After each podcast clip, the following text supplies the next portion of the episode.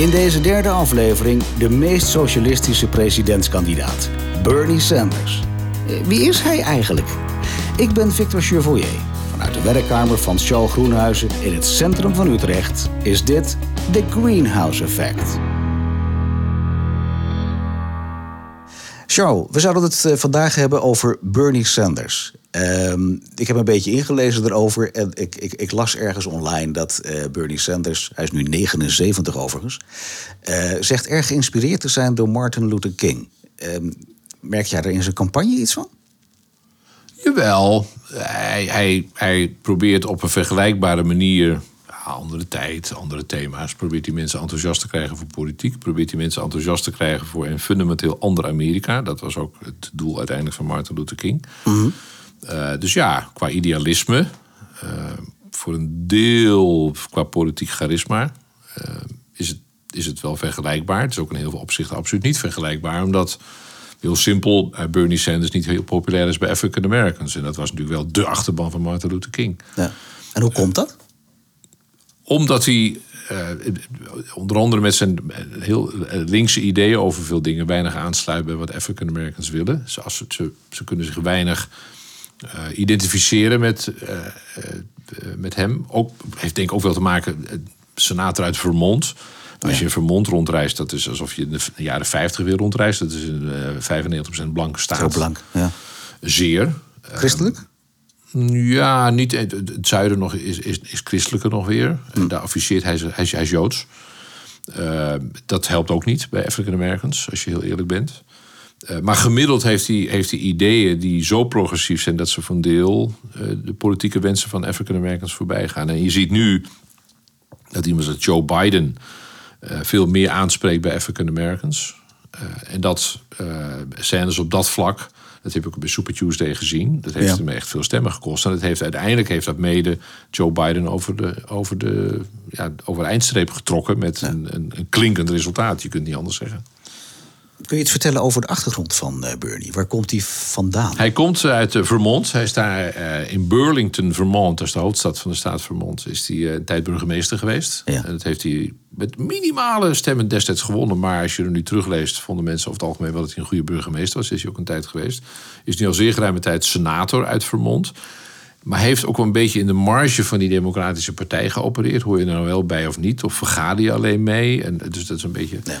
Als je terugkijkt, is er wel een, een raar, rare kloof tussen aan de ene kant de kolossale ambities die hij nu heeft. Eh, gratis gezondheidszorg, alle studieschulden vrij eh, pleiten.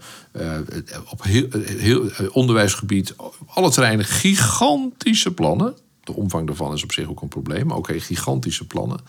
Als je dat vervolgens legt naast zijn prestaties als senator, hoeveel wet heb je nou uiteindelijk aangenomen gekregen? Hoe, hoe actief of activistisch ben je daar geweest? Ja, hebben wij niet zoveel van Bernie Sanders gehoord. Sorry hoor. Eh, hij heeft, hij heeft eh, his legislative agenda, zoals de Amerikanen zeggen. Dat, dat, dat is een vrij dun boekje hoor. Dus eh, ik vind het wel opvallend dat hij, ondanks al die jaren dat hij in Washington heeft rondgelopen... en ook al die jaren dat hij een behoorlijk grote mond opzette, en dat mag... maar zoals de Amerikanen wel zeggen, where's the beef, eh, Mr. Sanders? Waar zijn je concrete prestaties... eh, waaruit blijkt dat je ook vergaande idealistische plannen... kunt omzetten in concreet beleid.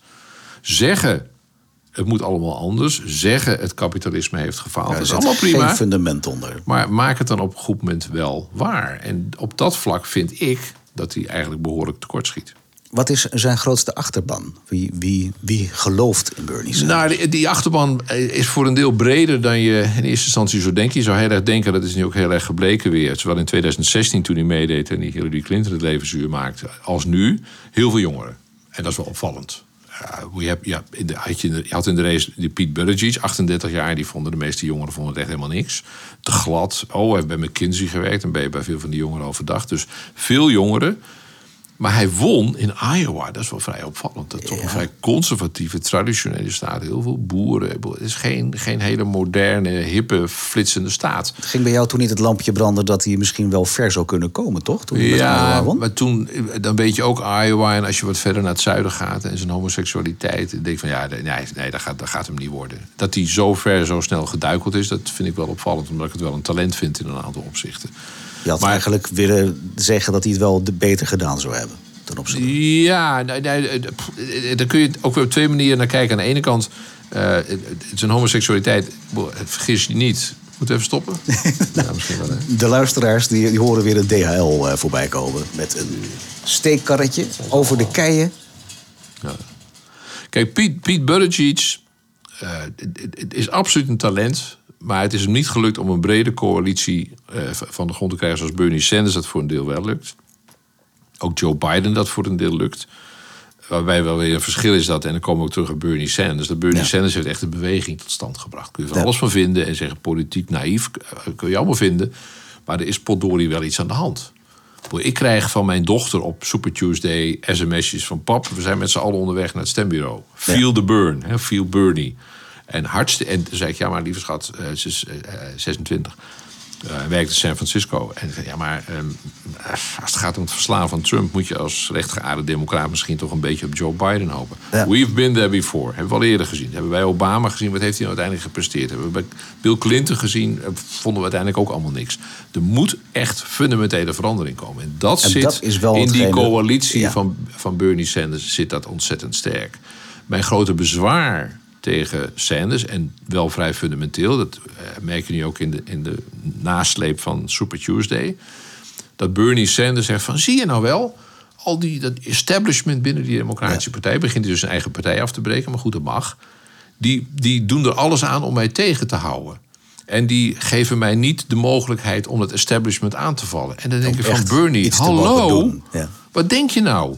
Ja. Denk je dat het partij-establishment even op zijn rug gaat liggen, pootjes in de lucht van: oké, eh, eh, eh, maak me maar af? Nee, natuurlijk niet. Mhm. En beste Bernie, je hebt het alsmaar over democratie. Democratie, ook binnen zo'n partij, gaat uiteindelijk meeste stemmen gelden. Sorry. Ja. En op het moment dat blijkt, kijk naar Super Tuesday, dat Joe Biden het dan beter doet dan Bernie Sanders, dan kan hij heel hard roepen dat het een schande is dat hij het establishment niet omver mag schoffelen. Maar het establishment zegt van sorry, even niet. En als vervolgens het establishment, Joe Biden en zijn vrienden, zeg maar even simpel, en een hoop senatoren en leden van het congres enzovoort, die zeggen: Sorry, wij laten ons niet ondersteboven schoffelen. Dat is hun democratische recht. Dus ik vind de discussie vanuit Bernie Sanders: wat moeten we dan doen? Zeggen we, meneer Sanders, je hebt een minderheid van de stemmen om dat establishment omver, omver te halen. En eh, ga je gang maar, stel je voor. Dat zou extreem ondemocratisch Dat zou niet zijn. nee. Dus ik vind, en dat neem ik, als, als ik het politiek zou moeten waarderen, even los van de inhoud van de ideeën van Sanders, maar zijn strategie. Het is van een soort gelijkhebberigheid. Van wie het niet met mij eens is, die, die veroordeel ik. Eh, en wie het niet met mij eens is met mijn anti-establishment en zeer linkse eh, benadering. eh, hij- zegt het net niet, maar die zou eigenlijk gewoon een beetje zijn mond moeten houden en mij gewoon mijn gang moeten laten gaan. Ja, sorry, senator, that's not the way it works. Tegelijkertijd kun je wel concluderen, en dat moet een beetje voor, voor jou zijn, dat hij wel een progressieve stroming vertegenwoordigt die steeds groter wordt. Zeker, maar eh, dat is de kern van het boek wat ik geschreven heb. Amerika wordt een steeds progressiever land. Ja. Dat opent de poort naar mensen zoals Bernie Sanders. Hij doet het ook, heeft het ook ontzettend goed gedaan. Ja. Hij was, eh, eh, hij heeft het, eh, nu uiteindelijk na Joe Biden, zoals de situatie nu is, was hij de meest populaire kandidaat. Dat was 10 en 15 en 20 jaar geleden volstrekt ondenkbaar geweest. Het feit dat de jongeren massaal voor hem kiezen omdat hij socialistisch is, zeg het anders, omdat hij anticapitalistisch is. Hij zegt ook: ik wil dat kapitalistische systeem omverhalen. Dat is onrechtvaardig, dat is oneerlijk. En met dat systeem kunnen we Amerika nooit verder helpen. Dat geluid en de aanhang daarvoor was eh, eh, tot nu toe ondenkbaar. Alleen mijn stelling over een progressiever Amerika gaat veel breder en wat mij betreft ietsje dieper. Omdat wat ik steeds betoog is dat er een hele brede stroming in Amerika is. Breder dan de Sanders-aanhanger. Daar zitten ook alle Biden-aanhangers bij. Daar zitten ook de mensen die op Obama gestemd hebben bij. Die in meerderheid zeggen, we willen een progressiever Amerika. Ik vind- begrijp ook niet dat Sanders niet veel meer op de lijn is gaan zitten van een progressief Amerika. Dan kun je veel breder kun je inzetten. Maar goed, heeft hij niet gedaan. Hij is te, vind jij? Ja, ik vind, ja, eh, puur electoraal. eh, Wat ik verder vind. Ik, ik vind dat hij het niet slim heeft aangepakt. Als, als je ervan uitgaat dat hij graag president van Amerika worden. Ik vind dat hij het voor zichzelf verknald heeft. En als het ontzettend tegen zit, verknalt hij het ook nog voor Joe Biden door de verdeeldheid binnen Dat is, die partij. het, dat is het effect wat hij dan eigenlijk heeft. Maar er zit wel een, een, een, een soort stroming onder die ehm, eigenlijk ervoor gezorgd heeft dat hij nu wel zit waar hij nu Ja. zit. Uh, zou je kunnen redeneren als er een andere kandidaat zou zijn, die wellicht 20, 30 jaar jonger is, die een wat ander charisma heeft, ja. dat dat een vertegenwoordiging is van een gevoel wat wel degelijk binnen de Verenigde Staten leeft? Zeker. Er zijn een paar geweest. Senator Cory Booker uit Connecticut, uh, Kamala Harris, Californië. Dat zijn, zijn veel jongeren, ook progressieve kandidaten, ook alle twee people of color. Uh, maar die hebben het uiteindelijk in dat campagnecircus hebben dat niet gered. Dat zou misschien een volgende keer kunnen. Maar het is zeker waar. Kun je daar in zijn algemeenheid een eh, reden voor geven waarom ze dat niet redden? Ja, dat is, een, een reden is, en dat is fataal vind ik voor die Democratische Partij, dat ze vasthouden aan al die oude knakkers. Ja. Uh, waardoor je de echte vernieuwing in die partij ook op een, op een realistische manier. Uh, die komt gewoon niet van de grond. Ja. Mede daardoor hebben ze in 2016 van Trump verloren. De helft van het land haat Hillary kun je van alles van vinden. Daar spreek je geen oordeel over uit, maar het is wel waar. Het is wel wat het is. Het is eigenlijk een wonder dat ze met 3 miljoen stemmen meer eh, de, de strijd uiteindelijk afsloten. Ja, Trump won door het rare Electoral College. Uh, maar die partij is er gewoon niet in geslaagd om die. En dat, ik, dat vind ik wel te verwijten vanuit uh, progressieve idealen als je die hebt. Je kunt de partij verwijten dat die toenemende progressiviteit in Amerika, en dat is op alle vlakken zo. Dat is van, van de legalisering van marihuana, wapenbezit, het homohuwelijk, het justitiesysteem, ongelijkheid, klimaat, noem alle mm. grote thema's maar op. Die toenemende progressiviteit zou je toch als progressieve democratische partij moeten kunnen verzilveren. Maar onder andere omdat al die oude knakkers, en daar reken ik ook Hillary Clinton bijvoorbeeld toe. Ja. Uh, als, als, als, een, als, een, als een kloek op die eieren zijn blijven zitten om, uh, en, en, en, als een jongen hebben verstikt. En waardoor de Cory Booker en Kamala Harris enzovoort en, en veel anderen die wij nu helemaal niet kennen, omdat die op staatsniveau politicus zijn, maar niet doorstromen. Omdat ze denken, ja, nee, maar is, moet die, moeten al die 70-plussers eh, opgeruimd worden.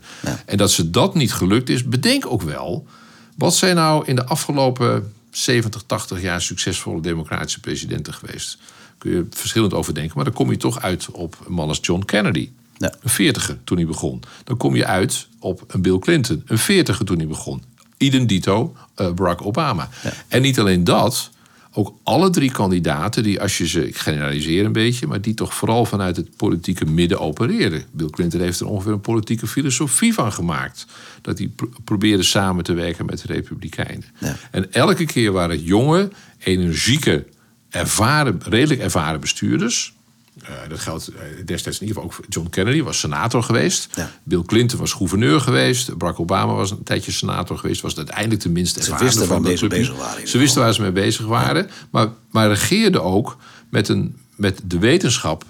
Uh, dat, je, dat je uiteindelijk toch binnen een Amerikaanse context opereert... waarbij de veranderingen naar links of naar rechts niet zo ontzettend groot zijn. En je ontzettend moet oppassen dat je niet te ver links afslaat... want anders jaag je die kiezers in het midden jaag je weg. En dat is precies wat Sanders gedaan heeft... Uh, en wat, ook, wat hij ook in 2016 gedaan heeft, die verdeeldheid toen binnen die Democratische Partij is heel lang doorgegaan. Voor al die ruzies tussen Hillary Clinton en Bernie Sanders. Het is toch echt een geschenk voor de Republikeinen voor hun campagnespotjes. Moet je kijken, die staan elkaar een beetje af te maken. En die willen zo meteen het land regeren. Doei. Ze vertelden er niet bij dat de Republikeinen even hard ruzie maakten over die maloot van eh, Donald Trump. Dat vertelden ze niet bij, want daar kun je ook spotjes van maken. Maar uiteindelijk, als het gaat om, om publiciteit en om het gebruik te maken van dat soort zwaktes, zijn de Republikeinen gewoon net ietsje handiger dan de Democraten. Als ik de leeftijden neem, hè, dan heb het over Donald Trump van 74, uh, eh, Bernie Sanders 79 en Joe Biden 78. Ja. Als we even vanuit gaan dat Bernie Sanders het zou redden, ik verwacht het niet, maar stel dat hij dat doet, mhm. dan is hij 83 als zijn termijn over is. Ja. Dat is heftig. Ik heb dat, dat zou in Nederland ondenkbaar zijn. Nou ja, het is, het is in elke. Eh, ik bedoel, uh, de, de frietkraam hier schuin aan de overkant heeft denk ik een, een manager van maximaal 30. Ja. Nou is een frietkraam wat anders dan. Maar eh, neem een willekeurige grote organisatie of een groot bedrijf of, of regeringen in veranderen. Ja, juist in de politici en wel eens het oude knakkers het lang volhouden. Uh, ja, ik, ik, ik vind het ik heb net een paar onaardige dingen over Sanders gezegd, maar ik vind het eigenlijk een vorm van zelfoverschatting. Uh, dat je op je tachtigste en daarna dat je zo'n baan eigenlijk nog naar behoren kunt doen. Het afbreukrisico, ook puur fysiek en mentaal. Is, kijk om je heen, is, gewoon, is gewoon heel erg groot. Heeft ook een hartaanval gehad. Maar goed, dat kan.